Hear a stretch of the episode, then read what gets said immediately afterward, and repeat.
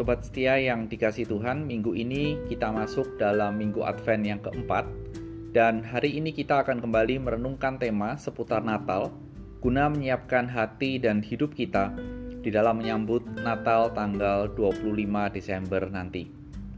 Tema hari ini yang saya berikan adalah apakah Yesus perlu lahir? Terambil dari Matius pasal yang pertama ayat 18 sampai dengan 25.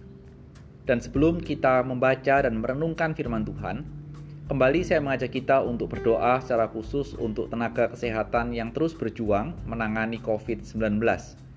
Dan juga kita berdoa untuk negara kita, supaya ibadah Natal boleh berjalan dengan baik dan semua ada dalam kendali Tuhan.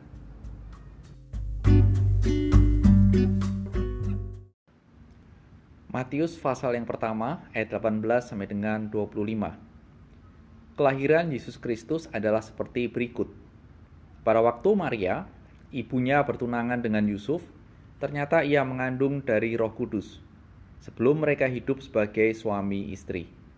Karena Yusuf suaminya seorang yang tulus hati dan tidak mau mencemarkan nama istrinya di muka umum, ia bermaksud menceraikannya dengan diam-diam.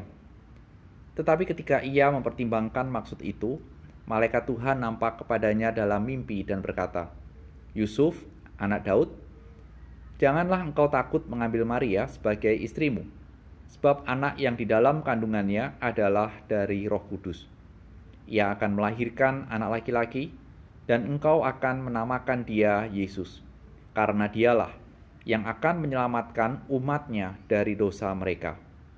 Hal itu terjadi supaya genaplah yang difirmankan Tuhan oleh Nabi. Sesungguhnya, anak darah itu akan mengandung dan melahirkan seorang anak laki-laki, dan mereka akan menamakan dia Immanuel, yang berarti Allah menyertai kita. Sesudah bangun dari tidurnya, Yusuf berbuat seperti yang diperintahkan malaikat Tuhan itu kepadanya. Ia mengambil Maria sebagai istrinya, tetapi tidak bersetubuh dengan dia sampai ia melahirkan anaknya laki-laki, dan Yusuf menamakan dia Yesus.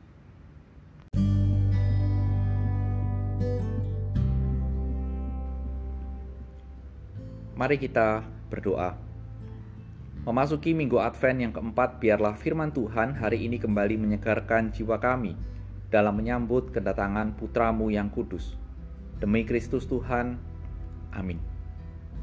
Sobat setia, pernahkah dalam kehidupan kita sebagai anak Tuhan, kita ditanya oleh seseorang yang ingin tahu, apa sih tujuannya Kristus datang ke dalam dunia?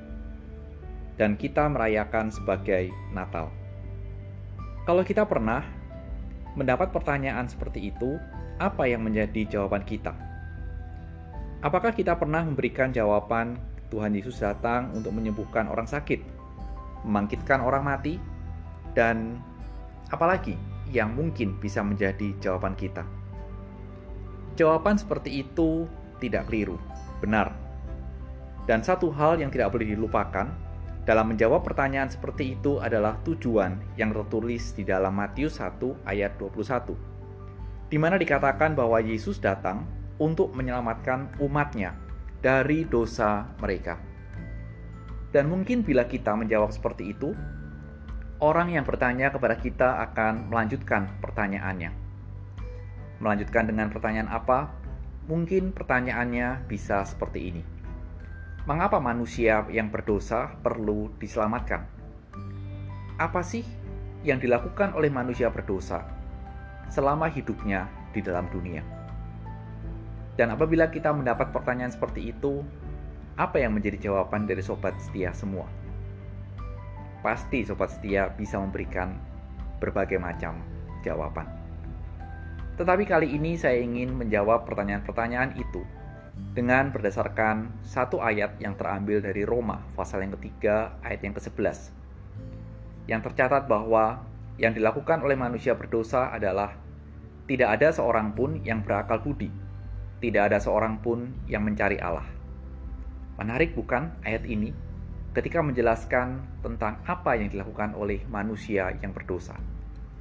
Dan mari kita pahami ayat ini secara sederhana bahwa manusia yang sering kali dianggap sebagai makhluk yang berakal budi makhluk yang pintar dan juga berbudi di dalam sebuah pengertian adalah yang bermoral, yang baik, tahu apa yang buruk, apa yang jelek, justru melakukan sesuatu tindakan yang tidak memiliki akal budi.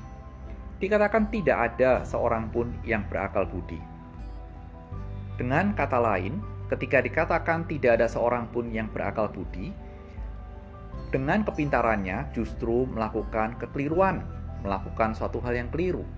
Dan ditambah dengan yang fatal adalah tidak ada yang mencari Allah.